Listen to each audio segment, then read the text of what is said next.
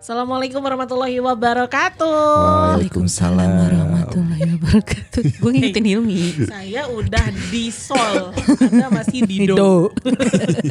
Gimana Daripada gue di mi, ya kan? Kenceng nanti. Mi, imi, imi, imi, imi, baru mulai. Kok geli ya rasanya imi, gitu kan nih. Kayak mau ngelek Eh, kebayangnya kalau dia lagi nongkrong sama teman-temannya kan, udah um, manis banget cuy. Ah, Gila. Jambros. Kita datang, Imi, Orang-orang gak ngelempar kita, ngelemparnya Hilmi. saya tak. Terus langsung yang gaul Aisyah, gaul. Imi. Tapi kita di part sebelumnya juga kita ngegantung di Anya yang mau ngedongeng mengenai apa sih Nya? Lu tadi bilang Aku Mau cerita apa nih Nyak? Gue tuh adalah salah satu lu korban. dianggap maskulin ya? Iya. oh ya Allah sekarang ada ini ya. Ada pengatur kayak pengaruh eh, pengaruh pengarah gaya sini dempetin nah jadi gue tuh salah satu korban toxic femininity Seriusan lu gara-gara Kayak apa? gimana? Iya karena kan kalau misalnya masalah femininity itu kan perempuan itu identik dengan apa sih? Lemah lembut Ah, terus udah kayak gitu jago masak jago Hmm, beres-beres pokoknya yang ibu-ibu banget lah. Kan keibuan dan ibu itu beda ya. Ya Nah. gitu Mi. Keibuan dan ibu. So- iya ibunya dong dan keibuan menurut gue itu beda. Mungkin ada yang berbeda ya gitu. Kalau keibuan tuh lebih ke inner. Kalau ibu tuh, eh, kalau ibu tuh kayak ya udah itu orang kayak ibu-ibu gitu, ibu-ibu maksudnya gitu. Dan gue tuh karena gue tuh kan di keluarga tuh kayak disorot banget gitu kan. Gue tuh nggak bisa beres-beres. keluarga lu di rumah atau keluarga besar gitu? Iya di rumah dan besar lah. Ah, Oke. Double gue, double shot banget. Jadi gue tuh nggak bisa beres-beres. Maksudnya bisa sih, cuma nggak perfect banget gitu. Terus eh, gue tuh cepet banget. Apa ya maksudnya kalau ngomong tuh kenceng. Sementara kalau keluarga gue tuh ya Emang ini kalau lihat di sini volume hanya di bawah. Jadi emang kenceng. Terus gue tuh kalau misalnya bahasa itu mah jalu gitu kan. Nah, Nah, di situ gue dapet toksinya gini kok perempuan kayak gini banget sih? Gitu. Kamu tuh kamu tuh perempuan kamu tuh nanti so- eh, menjadi seorang ibu kamu tuh harus bisa masak kamu tuh harus bisa beres-beres. Iya gue bisa masak. Terus kalau gue nggak bisa beres-beres berarti gue nggak nggak ini dong bukan cewek gitu. Terus kayak misalnya kamu tuh nggak bisa. Kayak misalnya enjoy sendirian kamu tuh harus menikah. Lah kenapa orang lain yang menentukan gue nikah kapan? Hmm, kan itu keputusan gue pribadi gitu. Banget anjir. jadi gue tuh kayak ngerasa hidup gue tuh disetting sama mereka gitu gue harus ngikutin ya. Heeh. karena perempuan menurut mereka itu adalah yang lemah lembut pintar banget masak agamanya bagus banget Setujunya. hafal Quran hafal hadis terus udah kayak gitu pintar beres-beres melayani suami dan mendidik anak-anaknya kalau menurut gue sih itu kayak apa ya Eh, poin-poin yang aneh. Karena apa? Kalau misalnya kita mau raj- mau bisa masak berarti kita harus sekolah masak atau enggak kita harus cinta sama masak. Kalau kita nggak suka masak ya masakan ini mana bisa enak? Terus kalau misalnya gue harus pinter beres-beres ya kalau memang gue nggak bakat beres-beres dan gue anaknya nggak estetik gimana, Gimana? iya ya seadanya aja kasur gue beresin nggak bisa seestetik kayak gimana gitu Gue malah pernah denger satu kata yang gue bikin tersinggung sampai sekarang masih inget dari orang terdekat gue bahkan satu keluarga. Apa tuh? Dek, adek nggak ada sih Nya, teteh gue mau dipanggil teh. terserah lu bebas mah sama nyokap gue doang. Oh, iya. Teh, perempuan tuh nggak seutuhnya perempuan kalau belum jadi ibu. Itu Ibu jelek sih Sampai sekarang gue kalau ngedenger beliau atau nginget itu tuh kayak "Anjir, lu parah banget. Emang sebegitunya ya nempel. Kalau gue lihat nih ya, si kita kan sebelumnya ngebahas masculinity dan femininity.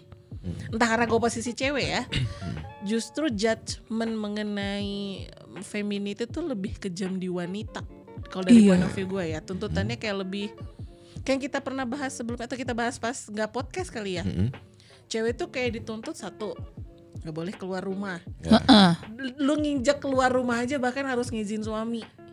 Iya, itu masih- aturan itu agama. aturan agama juga. Terus yang kedua, lu pakai lipstick aja dianggap menggoda. Banyak loh, gue pernah diom, gue pernah dibully gara-gara itu. Iya, lu pernah cerita sama gue. Gue pernah cerita sama lu. Heeh. Kita pakai baju apa pun serba salah. Bahkan ketika ada pelecehan seksual, yang disalahin bukan laki Perempuan. tapi cewek dan gua nggak ngerti sering kali terjadi justru yang perempuan membuli sesama perempuan Hmm. Oke.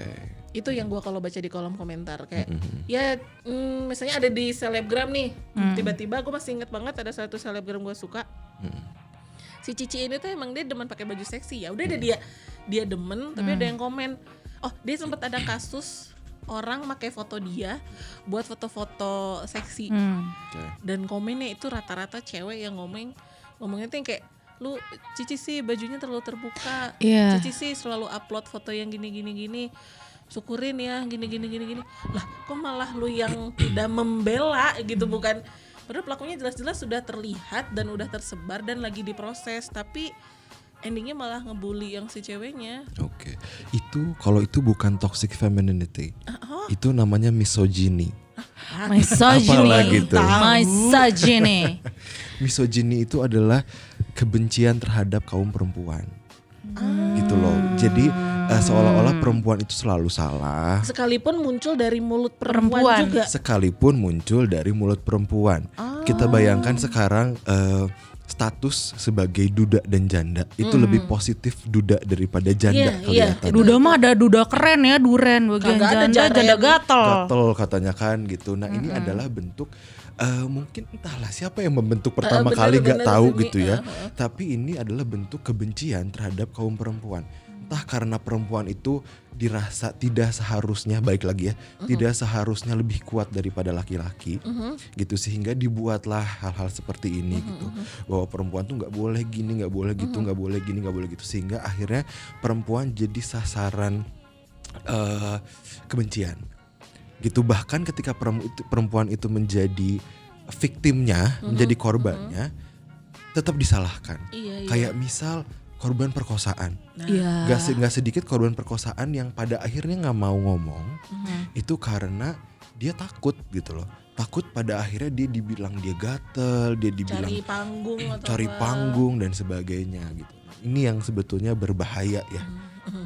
Jangan sampai gitu kita melihat sesuatu tuh eh, melihat gender tuh dengan kebencian gitu. Kalau kayak gitu gue nanti sih enggak enggak enggak Jadi kayak gitu. takut terakhir Iya. kemarin tuh yang kasus Gofar Hilman itu loh nah ceweknya yang diserang yang kan ada Oh. yang ceweknya mengaku ke Twitter kalau dia dilecehkan Iya. selama nonton Dia tuh di company apa sih? Eh, burger apa itu? Apa sih dia ada Eh, usaha lawless. lawless kan? Yang gua nggak setuju adalah ketika dia ditendang dari lawless sih. Karena menurut gua sebenarnya harus didengar juga. Jadi seolah-olah eh, teman-teman yang di lawless ini tuh menyalahkan Gofar. Padahal menurut gua ada mungkin situasi-situasi yang kita juga nggak tahu se- keja- kejadian aslinya kayak gimana nih. Apakah dua-duanya mabok? Bisa jadi dong. Yang namanya orang mabok nggak inget apa-apa, ya udah grepes sana grepes ini ya hayu-hayu aja ceweknya gitu. Bisa jadi dan ketika sadar, wah iya. Mhm. Dan gue juga di sini eh, speak up bukan gue ngebela Gofar juga atau gue gua ngebela ceweknya, tapi kita sebagai pendengar tuh harusnya lebih ini lagi gitu, kayak lebih nyelidik lagi, tahu. analisa lagi. sayangnya teh sekarang banyak orang eh, mau malah mereka lebih seneng pro ini pro an mana Reaktif daripada ya kalem aja dulu. Gimana sih? Nggak Iya. usah harus berapi-api dulu gitu loh. Setiap masalah tuh harus dianalisa dulu kita sih? kita cari faktanya apa? Itu sebetulnya. Karena kalau misalnya kita bukan nyari fakta pakai emosi gitu ya. Waduh emosi. Nah itu. Apa nih? jadi aja bahas tadi Ba- Jangan nih. Ayo Mi, yuk bisa Balik yuk, bisa yuk. Balik lagi yuk, balik, balik, balik. Ayo semuanya yuk. Mi. Kita fokuskan. Eh, Hakuna Matata, Hakuna Matata. Yuk. Ya. Tuh bingung artinya kita apa tuh? Lion King sih tahu iya bener. ya, ya artinya. itu. Jadi kayak biar fokus. Udah yuk, ah, yuk, yuk, yuk, yuk. Lanjut nih iya gitu gitu. Intinya kalau misalnya kita emosional doang takutnya malah salah sasaran. Iya. gitu kita nggak tahu sebetulnya yang aslinya tuh yang eh, kesalahan ada di mana sih gitu. Itu sih. Karena Nah, iya, kita itu. balik lagi ke si femininity ya. Feminini. gue tuh pernah Alhamdulillah gue tumbuh dengan eh, didikan nyokap yang baik hati. Dasar ini anak nih ya.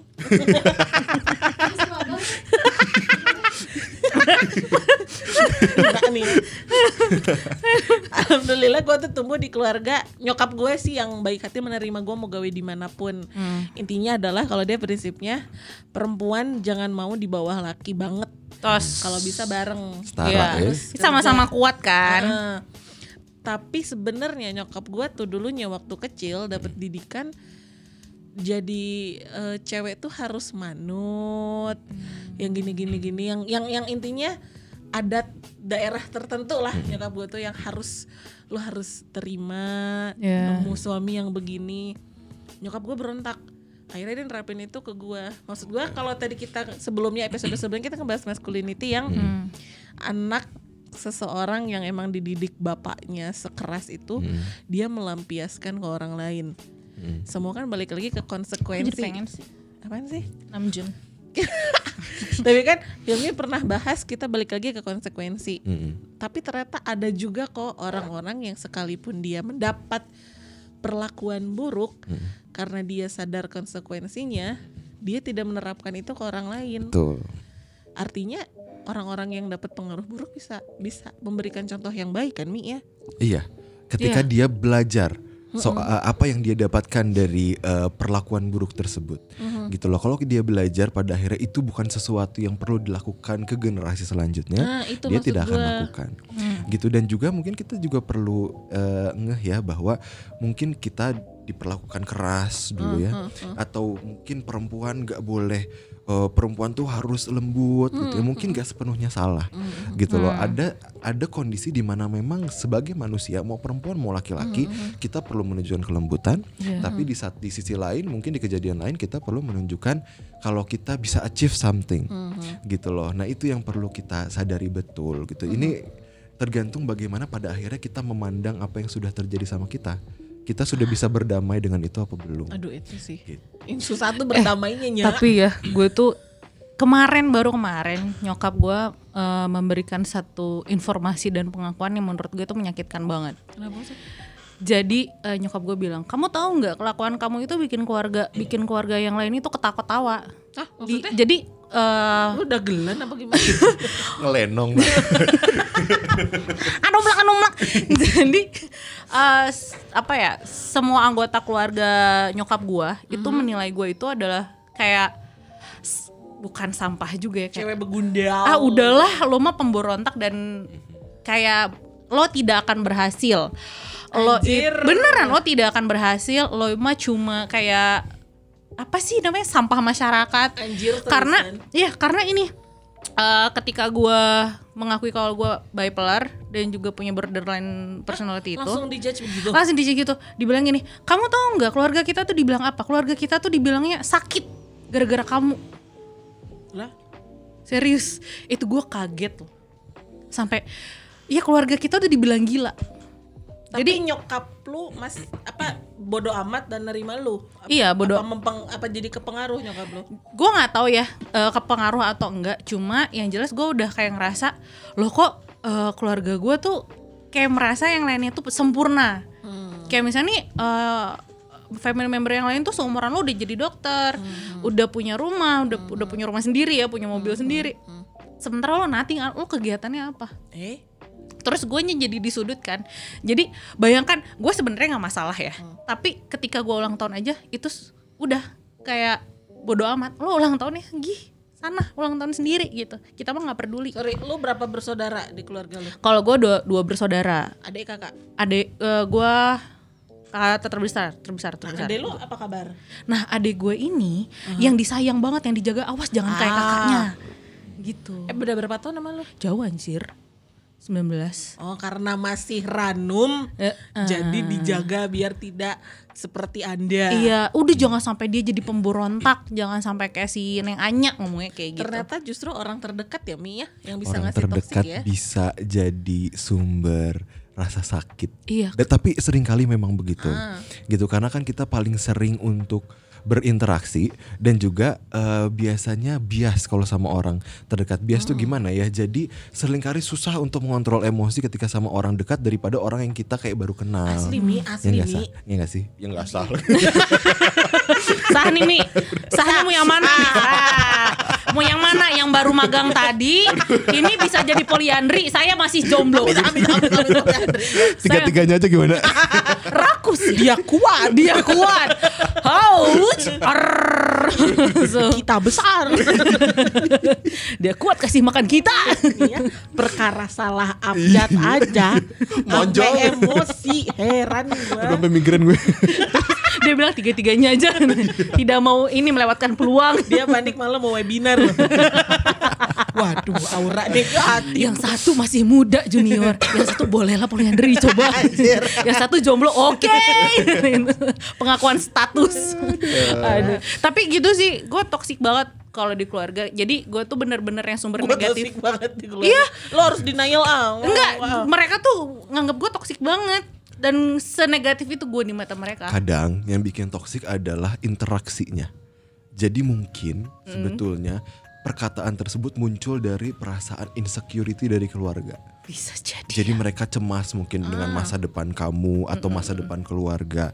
Tapi caranya yang sebetulnya susah untuk kita terima karena menyakitkan. Iya. Gitu loh. Kadang-kadang kayak gitu. Niatnya sebetulnya mungkin karena pengen nolong kali ya.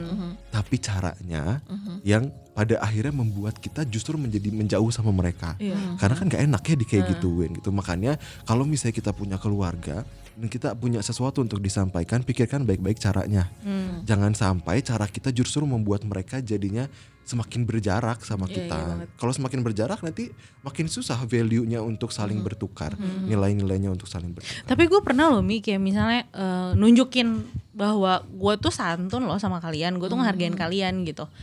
Tapi gue dibilang gini, alah paling juga nanti berubah lagi, lo mah gak akan istiqomah orangnya.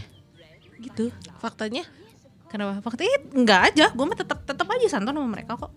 Gak gimana gimana di depan mereka gue tetap hormat. Tapi ya tetap kayak lo mah emang jalurnya jalur neraka dan gitu. kita berubah tuh ya karena lu nya masih ngeyel kayak gitu Iya. kan kayak Gua- gua kayak dicap masih neraka. nggak welcome ke gua tiap gue nge-tweet atau misalnya gue bikin status apa Astagfirullahaladzim tuh anak lo tuh suruh tobat nanti masuk neraka anjir seriusan Serius demi Allah Bener-bener yang gue tuh kayak jalur Ih, neraka jalur nge-hide semua keluarga gua.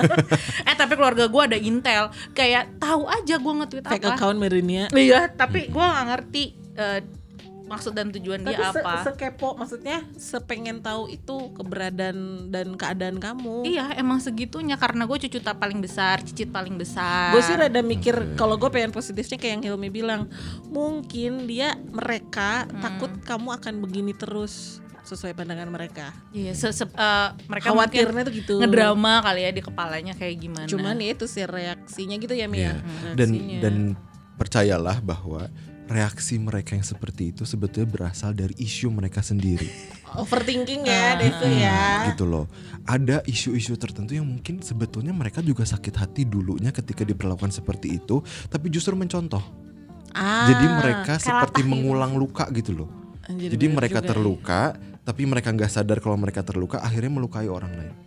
Nah ini juga yang perlu kita sadar makanya aware sama diri kita sendiri itu penting. itu tapi sering terjadi di kita maksudnya di kita sehari-hari ya kayak Betul. misalnya yang gue bilang ini nanti ya next topik kita soal toxic friendship Oke. perlakuan buruk ke kita eh nggak sadar gue malah ngomong hal yang sama ke orang lain yang kemarin body shaming gitu. itu loh Iya, ya gitu di keluarga gue di keluarga gue juga kayak sama gitu. halnya ini mengenai keharusan wanita menjadi Iya, jadi jadi jadi Jadi bahkan yang support ke gue tuh ada ada sepupu gue. yang seangkatan gitu Eh, eh, jadi enggak teteh tuh bener kok. Pemberontakan teteh tuh udah bener. Bahkan ada adik sepupu gue tuh mereka justru meneruskan apa yang gue lakukan tapi dengan cara yang lebih baik. Karena Hmm. mereka belajar dari kesalahan gue. dan karena kan lu mah emang ada vonis sakit juga ada Iya. Dan mereka langsung mereka berontak dengan cara mereka masing-masing. Ah. Dan gue kayak ngerasa tuh adik-adik gue juga merasa tidak nyaman dengan standarnya keluarga gue tuh kayak gimana tuh itu mengekang banget sih bener bener mengekang banget mengekang mimpi mengekang langkah gue gitu Dan ini yang sering kali dirasakan oleh perempuan ya ketika punya mimpi itu rasanya gak mungkin untuk dicapai karena privilege-nya berbeda dengan laki-laki. Biasanya Banget, kayak gitu ya. banget Seenggak boleh ini ya gue punya mimpi ini ya Iya. Ya karena selama ini dididik untuk untuk eh, di rumah aja kasur sumur apa tadi dapur Kasur sumur. gitu kan sumur teh nyuci gitu maksudnya kan. Aing ngapain kena kuda. Aing nimba. Juon no. Aing mah mikirnya tuh Aing harus nimba kalau mau nyesen. Si orang aya boga jet pam tuh orang. Pakai mesin cuci gitu kan. Ini selain kokos reh. kokos reh. Si nya kosakatanya Ya luar biasa tuh dia tuh kaya akan kosakata Sunda. juga cenah. eh, tapi ya jadinya memang tekanan-tekanan seperti itu gitu ya yang pada akhirnya berubah menjadi toxic femininity. Jadi sebetulnya arti dari toxic femininity ini adalah pada akhirnya kita tadi kan gini kalau femininity itu adalah ketika kita lembut, empati, bisa merasakan apa yang orang orang orang lain rasain. Terus kayak kita bisa apa ya menyesuaikan emosi ketika lagi ngomong sama orang gitu. Atau menerima atau penurut gitu. Itu adalah bentuk femininity. Tapi ada femininity, femininitas yang kelewat batas, sama kayak maskulinitas kelewat batas tadi ya yang udah dijelasin. Bahwa pada akhirnya kita percaya bahwa kita nggak punya apa-apa. Ketika femininity ini menjadi toxic, pada akhirnya kita merasa bahwa kita ini worthless. Kenapa? Karena kita nggak boleh keluar, kita nggak boleh ke mana-mana. Kita memang mungkin yang perempuan merasa bahwa ya perempuan mah memang di rumah aja, nggak boleh ada achievement, nggak boleh ada uh, sesuatu yang dia banggakan gitu.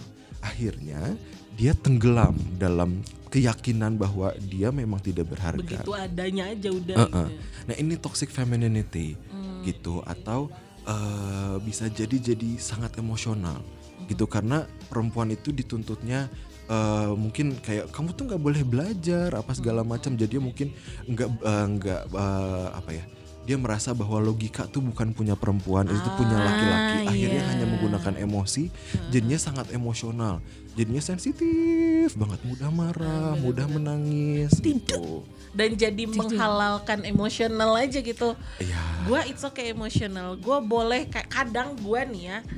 Gue nggak period-period banget, maksudnya nggak nggak PMS banget, tapi ketika gua m- lagi manja, PMS nih, padahal enggak. Padahal enggak. Cuma pengen aja. mengandalkan emosi Jadi ya. kayak gue kayak memanfaatkan kewanitaan, Kewanitaan. itu. Padahal, padahal enggak anjir gitu. enggak gue strong. Gitu. Nah, Nah, itu itu itu femininity yang digunakan untuk untuk sesuatu yang kayaknya nggak tepat deh gitu kan. Iya. gitu. Dan juga ini harus dicamkan juga ya bahwa femininity ini bukan hanya milik perempuan. Dalam artian laki-laki juga banyak yang merasakan demikian. Di mana pada akhirnya dia merasa bahwa eh, ketika dia depressed gitu ya, dia merasa moodnya lagi low, dia kayak sedih, merasa nggak berharga, ngerasa guilty terhadap sesuatu, terus dia akhirnya tenggelam di dalam lubang hitam itu. Nah ini berarti saatnya kita mengasah maskulinitas kita.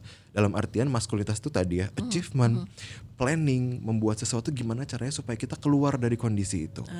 Makanya tadi femininitas dan maskulinitas itu perlu balance.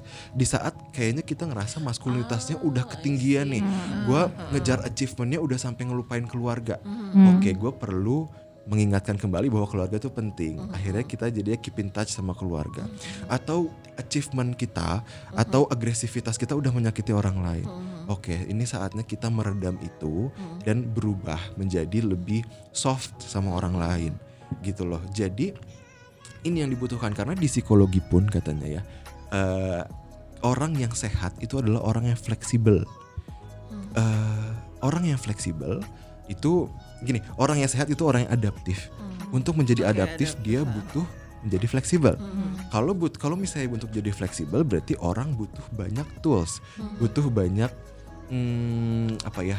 eh, toolsnya apa sih bahasa Indonesia nya teh tiba-tiba poho Kita tuh udah keba eh, kebanyakan bahasa. Inggris. Heeh. Jadi gue juga bingung apa ya. peralatan gitu loh. Kalau cuma satu susah, tapi Iya, kalau banyak kita punya masculinity, punya femininity, Iya, iya, iya. begitu dihadapkan satu masalah, Bank kita emosionalnya aman gitu ya. tahu, "Uh-uh," gitu loh. Kita tahu apa yang perlu kita keluarkan saat itu. Hmm. Bukan berarti kita nggak boleh tegas, boleh di waktu-waktu tertentu. Bukan berarti kita nggak boleh fragile. Maksudnya kita bukan berarti kita nggak boleh emosional, boleh di saat-saat tertentu gitu. Bener banget. Dan ya fleksibel harus karena masih banyak orang yang sekaku itu. Bahkan aku pikir yang lainnya udah tergolong modern gitu loh kayak lu kalau masih kaku aja menghadapi masalah dengan apa yang sudah digariskan kepada kamu mah ya tuh lu akan melendoi gitu aja terus. banyak banget kok kayak di teman-teman circle aku pun begitu banyak yang kayak nggak mau. Dia sampai akhirnya susah self improvement karena gua ngerasa porsi gua udah seperti ini. Hmm. gue menghadapi masalah seperti ini jadinya ya gitu eh ah udahlah aku mah bagian ini aja Iya. nggak mau ah belajar ini kalau di dunia kerja ya nggak mau mempelajari hal ini ah itu mah tugas Oh. laki gitu jadinya teh gue menghadapi curhatan ini dia dia jadi point of view menurut dia aja dia nggak mau melihat sesuatu dari dua sisi Iya. Gak mau belajar Gak jadinya. salah tapi Gimana sih? jadinya ya gitu ya nagen gitu dah cuma sih nyaminya nagen tidak gitu berkembang gitu ya. Heeh, jadi teh Hmm. sayang dan banyak sih yang kayak gitu Banyak. orang ter- dan jeleknya yang gitu tuh sok dimanfaatin Atau nggak menuntut untuk dimengerti terus. Heeh. Jadi kayak aku mah kayak gini gitu. Mau nggak Iya, mau lo harus jadi, ngerti gua. Nah, dia melabelkan dirinya sendiri. Iya.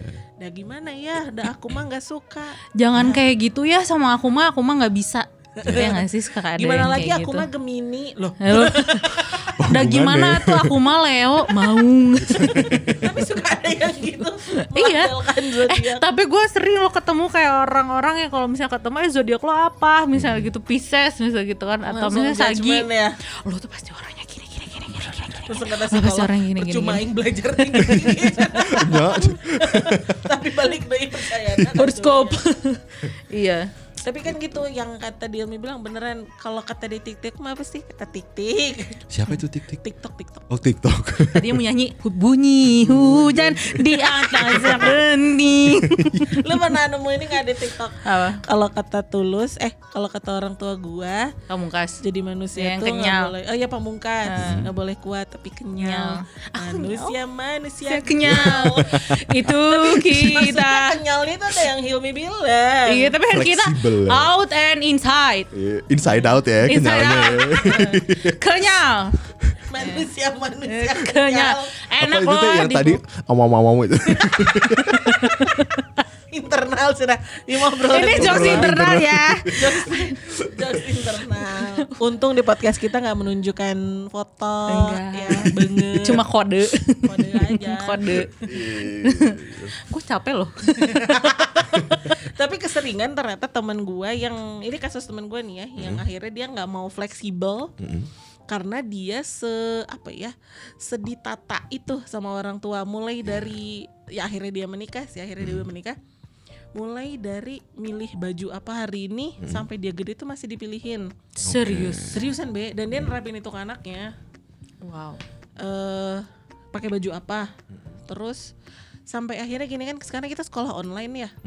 Dia nerapin ke anaknya nih. Daripada anak yang ngerjain lama udah mama aja yang ngerjain nah ternyata dia juga dulu begitu. Daripada daripada nih dia lama ngerjain dikerjain lah sama orang tuanya. Cek Sunda mah nyah dulang. Aning naon deui. Eta teh nang anya eta teh naon. naon deui nya nyah dulang teh kieu. Psikolog tehnya jadi si orang tua itu terlalu ngebelain anaknya biar anaknya itu terlihat baik di di mata orang lain gitu. Ah. Kayak misalnya tugas ya udahlah mendingan emaknya aja yang ngerjain. Yang penting lo nilainya bagus dinilai sama orang lo pinter gitu. Nah itu tuh jadinya dia membuat pembelaan untuk dirinya sendiri. Ya kalau gue lihat ya kayak gitu karena oh lu aku tuh suka aneh. Kenapa sih sampai PR PR aja dia kerjain? Gitu anaknya maksudnya nih anak udah SD udah SMP. Ya udah Gede. beken weh anaknya. Dan soalnya kalau dia yang ngerjain lama. Jadi udah gue aja yang ngerjain. Jadinya tuh bukan ngajarin tapi ngerjain. Mengambil alih gitu Nah ya. ternyata dia juga begitu dulu perlakuan dari Hmm. si orang tuanya ke dia. Dan itu beneran lurus banget anaknya teh yang tipikal kerjaan dia teh yang gak naik jabatan gitu yang gitu. Hmm. terus. rutinitas banget gitu pecinta rutinitas Dan dia sih? men, men gue gue cewek dah gitu. udah Gue cewek, gue nggak suka begini, nggak suka begini. Lurus, tipikal. Kayak kita suka melihat kan orang-orang yang lurus. ada Ya orang kayak kagak ada konflik di hidupnya gitu loh. padahal ya udah Kayak lurus aja. Nah ini temen gue ada yang begitu. Nah ya, itu juga sih maksudnya entah sekarang temen-temennya Cio jadi kayak gimana gitu nggak tahu aku ya cuma memang eh, kita perlu membedakan antara sayang anak dengan memanjakan anak gitu loh. Ini jadi parenting ya bahasannya ya, tapi nggak apa-apa lah sedikit-sedikit gitu. Eh, jadi kan ciri-ciri bahwa Hilmi itu adalah suami binangkit. Waduh binangkit. Nah, siapa? Jol binangkit. Ya kan dia tahu bagaimana ngetrit anaknya nanti. Ya, bagus. Iya, suami binangkit. Karena kalau Gua misalnya promoin tuh. Waduh, terima kasihnya. Karena kalau kayak gitu, kadang-kadang kita nggak sadar kalau misalnya kita ngetrit anak kita kayak gitu, justru nanti ketika kita nggak ada, anaknya bisa survive atau enggak. Gitu. Itu pada akhirnya dia akan mungkin pada akhirnya jatuh pada ketidakmampuan untuk menghandle permasalahan-permasalahannya asli sih. sendiri Heeh, gitu loh. bener. Nah, kalau udah kayak gitu nanti bingung dia bingung sendiri bisa jadi Mm. justru jadi sangat bermasalah dia nanti gitu. Iya dan bener emang teman gue yang dulu mendapat eh, perlakuan seperti itu dari orang tuanya, dia tipikal yang sangat bergantung, super super bergantung pada lakinya. Oh. Tuh. Aslinya kayak I can live without you banget gitu lah. Oh, LV forever and ever. Iya, iya, Terus nah, nah, nanti kalau suaminya nggak ada, Nah, gitu itu kan, yang- i- apa yang akan terjadi? gue tuh jadi kayak kesian gitu. Lu kalau laki lu nggak ada gimana ih? Gitu Iya. Karena kan sekarang perempuan juga harus prepare. Maksudnya bukan bukan menyiapkan kematian siapa yang duluan ya. Ya, tapi tetap aja. Tetap aja bukan masalah kematian juga. Kalau misalnya ada apa-apa di depan nih kita bisa bantu suami gitu. Nah ini ya eh, contohnya bahwa laki perempuan juga perlu maskulinitas gitu. Nah itu ah. Perlu kemandirian, perlu achievement, perlu sesuatu yang membuat mereka eh, kuat gitu loh. Dan tapi jangan jangan berpikir bahwa jadinya ih aneh banget kalau perempuan kayak gitu atau kalau laki-laki eh, feminin dalam artian dia punya eh, punya eh, part-part di mana dia lembut gitu ya feminin. Itu aneh banget. Jangan jangan lihat ke sana gitu. Karena lihat nih ya kalau perempuan-perempuan yang punya daya juang tinggi kayak Najwa Shihab misalnya gitu. Ah. Atau eh, Cinta Laura misalnya gitu. Atau Maudy Ayunda yang sekarang lagi banyak dibicarakan gitu itu kan mereka perempuan-perempuan dengan kemampuan untuk eh, strive untuk mengejar apa yang sebetulnya mereka inginkan atau Agnes Monica misalnya gitu atau cowok-cowok yang lembut kayak Keanu Reeves Keanu Reeves tuh iya dan itu melankolis tipe cowok melankolis. Melankolis lucu-lucu Mainnya idaman. aja action tapi Oh. Iya kan? Dan di belakang tuh sebetulnya di belakang kamera tuh dia sering kali menolong orang dengan cara-cara yang sweet Iya. gitu loh. Nah, itu kan bukan bentuk dari ih Masa laki sih?" gitu, gitu. bener-bener. kan gitu loh. Jadi kita perlu embrace semua itu. Terusan deh perlu deh. Jangan mata apa kacamata kuda gitu ya. Iya. Ya, Lu betul. cewek ya lu cewek es- cewek aja udah lu nggak mau berpikir bagaimana mensurvive dengan sifat-sifat laki dimasukin. Ya Iya. jangan kaku lah, bener kan harus fleksibel Manusia gitu. manusia kenyal. itu kita. Ngomong-ngomong tentang kenyal dan kaku gitu ya. Eh, kadang-kadang nih mungkin pernah denger ya kalau cowok tuh dibikin kayak kaku gitu loh. Dalam artian gak boleh merasakan emosi apalagi iya. nangis gitu kan. Bener-bener Mi. Sering ya? Laki gua gitu. gengsi banget kalau nangis. Nah, Bagi tapi itu mahal wajar banget. karena cowok-cowok tuh banyak dibesarkan dengan dengan kondisi seperti itu, nggak boleh nangis, nggak boleh terlihat lemah dan sebagainya, gitu. Nah justru ini kita perlu pertanyakan juga gitu loh, kenapa ya? Kenapa saya nggak boleh nangis? Padahal mau perempuan mau laki-laki semuanya dikasih survival tools gitu, alat-alat untuk survive. Apa itu? ya emosi, emosi marah, sedih, kecewa, nah, eh, apalagi? Jijik, takut, cemas itu tuh semua supaya Si kita inside bisa out etanya. Iya. si inside out eta teh Eh, gini out film. inside cah. Nah gitu. Dan juga sering kali dengar kan kalau eh, cowok-cowok nih nggak mau nangis, nggak boleh sedih gitu loh. Padahal faktanya ya ternyata eh, cowok-cowok nih ya buat cowok-cowok gitu. Eh, u- eh, ketika kita menangis, nah jadi balelol ya aku ya. Coba coba yuk yuk yuk yuk. Giliran yuk, yuk. udah serius Yuk, tuh balelol. nafas. Istighfar. Nah jadi Saha, garan terapi. saha. Giliran ke serius tuh balelo. capek sih karena iya teh kurang oksigen kurang minum Itu kurang minum itu aku jadi nyebutin label Neng neng neng. nah jadi ternyata menurut riset menangis itu katanya justru bagus.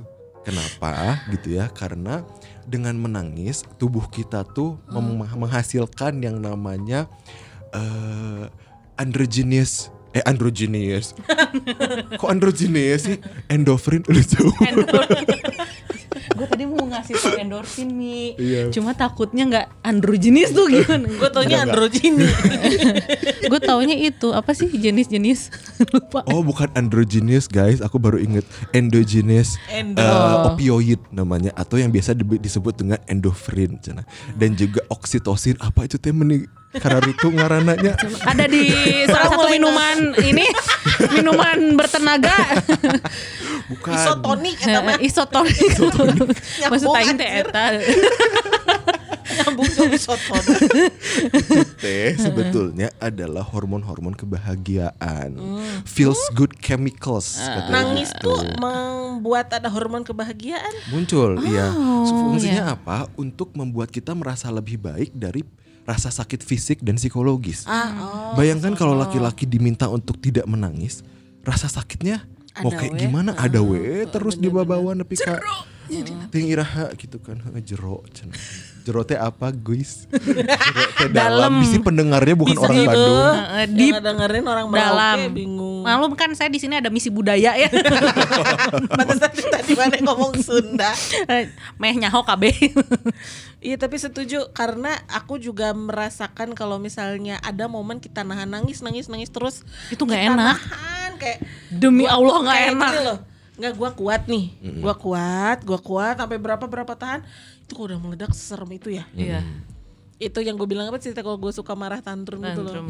kayak aja seserem itu ya ternyata kalau misalnya menahan terlalu lama. Tapi ada juga ketakutan cewek juga ket- ya mungkin karena di femininity-nya ada masculinity. Nih gue kalau nangis terus cengeng nih Enggak sih. rada gengsi Iya, be iya sih ada. tetap kan tetap ada gengsinya tapi tetap lebih baik dikeluarkan Betul. ya Mia Eh, Iya, dan juga mungkin kita juga perlu tahu porsinya ya gitu. Mm-hmm. Dalam artian kalau misalnya kita udah nangis terus-terusan, ini udah nggak wajar. aneh juga gitu serem loh. ih. Ini Ya artinya ada sesuatu yang masalahnya kayaknya nggak nggak pergi-pergi.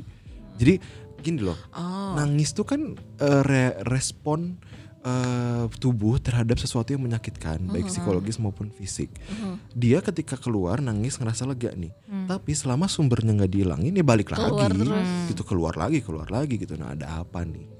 kayak ada beberapa orang dan beberapa teman gua bahkan mungkin aku pernah ada titik ini dalam berapa bulan tuh kayak tiap mau tidur Hmm. pasti nangis nggak ada kadang jadi membuat si hati teh membuat drama sendiri kalau Oke. Sesedih ini nih hari gua nih hari gua kayak bete banget nangis Oh, kayak gue mau kalau gue di masa depresif sih. iya kayak gitu Lagi enak tidur bangun-bangun. kan Gak tahu kenapa. seserem itu dan kebanyakan ternyata perempuan yang begitu Karena perempuan itu ini nggak tahu ya denger-denger sih. Ini mah aku belum baca dengan serius dan seksama gitu ya. Cuma memang perempuan ini challenge-nya besar gitu karena Ah, oke. eh, stabilitas eh, hormonalnya lebih naik turun dibandingkan laki-laki. Oh, Satu ketika ketika menstruasi itu hormon naik turun. Banget. Kedua ketika hamil itu juga naik turun. Atau misalnya ketika habis melahirkan juga itu naik turun. Atau pada pada perempuan yang keguguran juga itu hormonnya naik turun gitu loh. Jadi eh, perempuan ini memang secara hormonal juga beda sama laki-laki. Lebih lebih apa ya? Lebih lebih banyak tantangannya. Gitu. Kuat Sisi kita. emosionalnya heeh sih Kita kuat. kerasa pisan kita mah bisa ini ya ya naik turun mood tuh kalau cewek tuh sok- Iya. kalau aku lihat mood yang up and down sering itu cewek ya Ya. sebisa itu lu dari rungsing datang makan seblak lu happy lagi Dan lu ketemu siapa lu murung lagi pa- dan gak tau kenapa kalau misalnya berhadapan dengan makanan tuh jadinya happy kalau gue. Ah, eh, aku juga sih kan? Kan katanya emang lambung tuh otak kedua. Jadi Otak kalau aku iya. besar ya. otak ini bawah tuh. lambungnya lambungnya kenyal itu aku. eh tapi ngomong-ngomong soal femininity nih ya. Ribet banget ya. ih Ribetnya. Atau femininitas atau kalau Sarwa keneh ah iya. ujungnya doang ya beda. Nu hiji ti, nu hiji tas. Titas. Ya Allah astagfirullahaladzim. tapi kita tenaga seri nangis banget tapi yang seri. Jadi ada ada ada ada ada ada, ada, ada momen kayak kalau kalau misalnya antara cewek sama cowok nih, Hmm. cewek tuh kayak suka ngerasa gengsi untuk nyatain duluan ke cowok karena takut cowoknya nolak yang kayak Bener-bener. gitu-gitu kan. Itu feminitian. Eh feminitian. Nambah ya. Tipastian. Oke, Titastian, Tastian, Orang yang namanya minitian.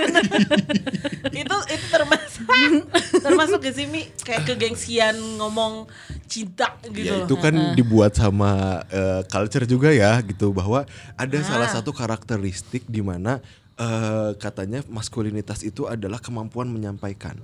Hmm. Tapi kalau misalnya Oh. femininitas adalah kemampuan menerima gitu dan Hmm. juga akhirnya sama sama budaya itu dibentuk bahwa perempuan itu hanya menerima gitu Iya, loh iya, jadi biar- ketika menyampaikan itu adalah sesuatu yang aneh jadi perempuan tuh nggak boleh Lu menyampaikan karena lu tuh anehnya. menerima Kok aja gua? oh Anya pernah nih mau cerita apa gimana nya Apa yang nyatain maksudnya? Oh, gua mah orangnya belak-belakan. Hanya gitu Mi capek gua. Jadi kalau gua gini, kalau gua suka sama orang, Too much masculinity. gua kalau suka sama orang gua ngomong langsung ke orangnya kayak, eh Kan gua jatuh yang cinta lo sama lo. jiper. Gue yang deg-deg, gue yang GR. Iya dia yang GR. Gue jatuh cinta lo sama lo. bentar gue bingung kenapa dia yang GR Apa Karena gue ngomongnya di depan dia. Lah, anaknya Jadi waktu gitu. itu ada cowoknya, ada cowoknya. Terus ada dia. Nah gue ngomong, eh Cil lu tau gak gue tuh jatuh cinta tau sama dia. Terus gue Terus yang terang. GR. Gue kayak nonton drakor versi live. Gue gitu suka loh. lo sama dia gitu. Kayak, nih gue suka, gue suka ngeliat lo pakai sweater gue nih ya, gitu. ditolak hanya. Seriusan. Enggak, enggak. Digantungin ya. Digantungin dia. Dianya ngomong sayang tapi sayangnya sayang universal. Soalnya lu masculinity. Lalu sendiri kalau misalnya ada cewek kayak gitu gimana? Nanti gue nembaknya nembak nih, Hilmi aja. Kalau kalau kalau point of view Hilmi ya, Heeh. ngelihat cewek nyatain, nggak ke lu lah, ke anyone. Terus dia cerita sama lo, lu mikir, nih cewek gimana nih menurut pandangan lu? gue mah yang kepikiran pertama adalah wah berani juga lu ngambil resiko gitu. Biasanya itu yang ada di pikiran gue bukan kayak ih apaan sih lu? gitu. Enggak cuma kayak wah ini orang berani ya mendobrak eh, sistem budaya yang Lu- selama ini lu ada nya, gitu. Lu nya. satu gitu. Terus ya udah. habis itu biasanya gue nanya aja kayak terus gimana hasilnya? Terus Iya. gimana prosesnya? Ya udah gitu loh. Eh. karena kan sekarang juga katanya kan lagi zaman zaman emansipasi wanita. Sih. walau awal awalnya gue juga ngerasa itu aneh gitu loh. Tapi lama-lama gue ngerasa kayak oh ya udahlah gitu ya udah sih gitu ya udah gimana hmm. dia aja kalau dia mau nyatain nyatain aja ya, bener, gitu bener, bener. karena kan menurut gue cinta tuh kayak kentut apa itu? Semakin lo tahan semakin kembung gak enak kan? Oke, begitu keluar cepirit.